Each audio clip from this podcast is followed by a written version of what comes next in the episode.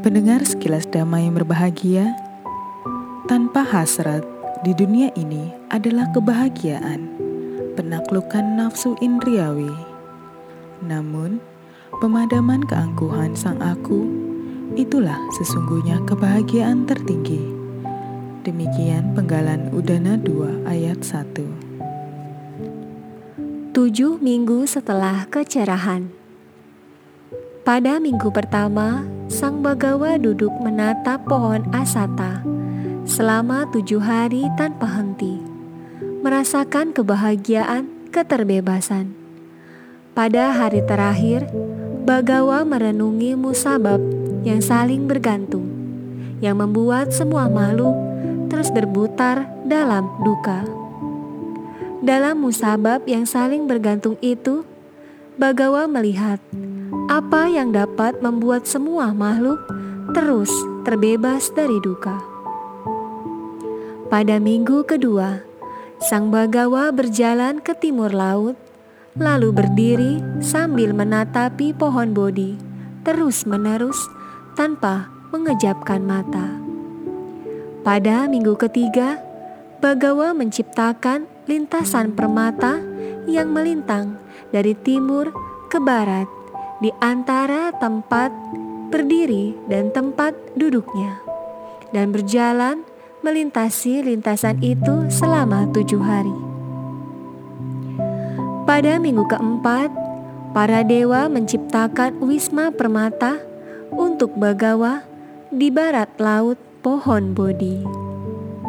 Sang Bagawa duduk bersila dalam wisma itu dan merenungi Dhamma secara mendalam.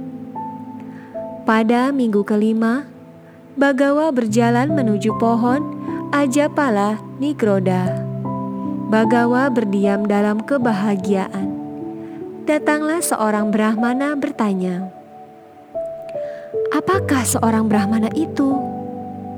Sang Bagawa menjawab, "Ia yang menyingkirkan kejahatan, tidak sombong, tidak ternoda, dan memiliki pengendalian diri, sempurna dalam pengetahuan, menjalani kehidupan suci, dan tidak memiliki keangkuhan terhadap apa pun di dunia ini." ialah yang layak disebut Brahmana. Rupanya, Brahmana ini sombong. Ia pergi dengan mengeluarkan suara huhung. Itulah sebabnya ia dijuluki Huhungka. Waktu itu, Mara berpikir, "Lama sudah aku mengikuti orang ini. Aku tidak menemukan kesalahannya. Sebenarnya, kekuatannya jauh melampaui kekuatanku. Aku tidak mencapai yang telah ia capai. Aku belum memenuhi sifat-sifat sempurna sepertinya. Saat itu, ketiga putri Mara, Tanha, Arati, dan Raga menghampirinya dan bertanya, "Mengapa ayah bersedih?" Setelah mendengar keluhan ayah mereka, ketiga putri Mara mendekat dan mencoba menggoda sang Bagawa. Apa pun usaha mereka, Bagawa tetap teguh karena ia tak lagi memiliki ketamakan, kebencian, dan kekeliru tahuan. Akhirnya, lenyaplah ketiga putri Mara itu.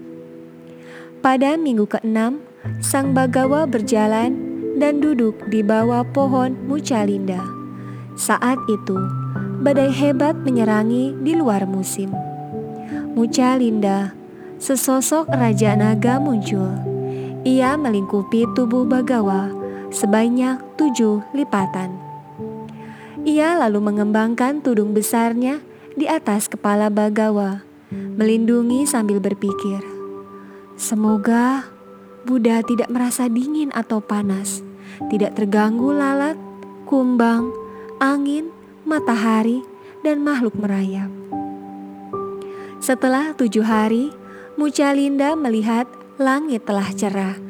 Ia mengurai lilitannya dan berubah wujud menjadi pemuda, lalu bersujud di hadapan Sang Bagawa. Pada minggu ketujuh, Sang Bagawa bangkit menuju pohon Raja Yatana di selatan pohon Bodhi. Bagawa duduk bermeditasi di sana dalam kebahagiaan Nibana. Nantikan sekilas dhamma episode berikutnya yang berjudul Tapusa dan Balika, dua pengikut pertama. Sekilas dhamma spesial kisah hidup Sang Tata Gata akan hadir selama 100 hari menyambut Hari Waisak 2562 tahun 2021. Sekilas Dhamma dapat didengarkan melalui Spotify dan channel YouTube Citya Dhamma Dayada dengan kata kunci Sekilas Dhamma.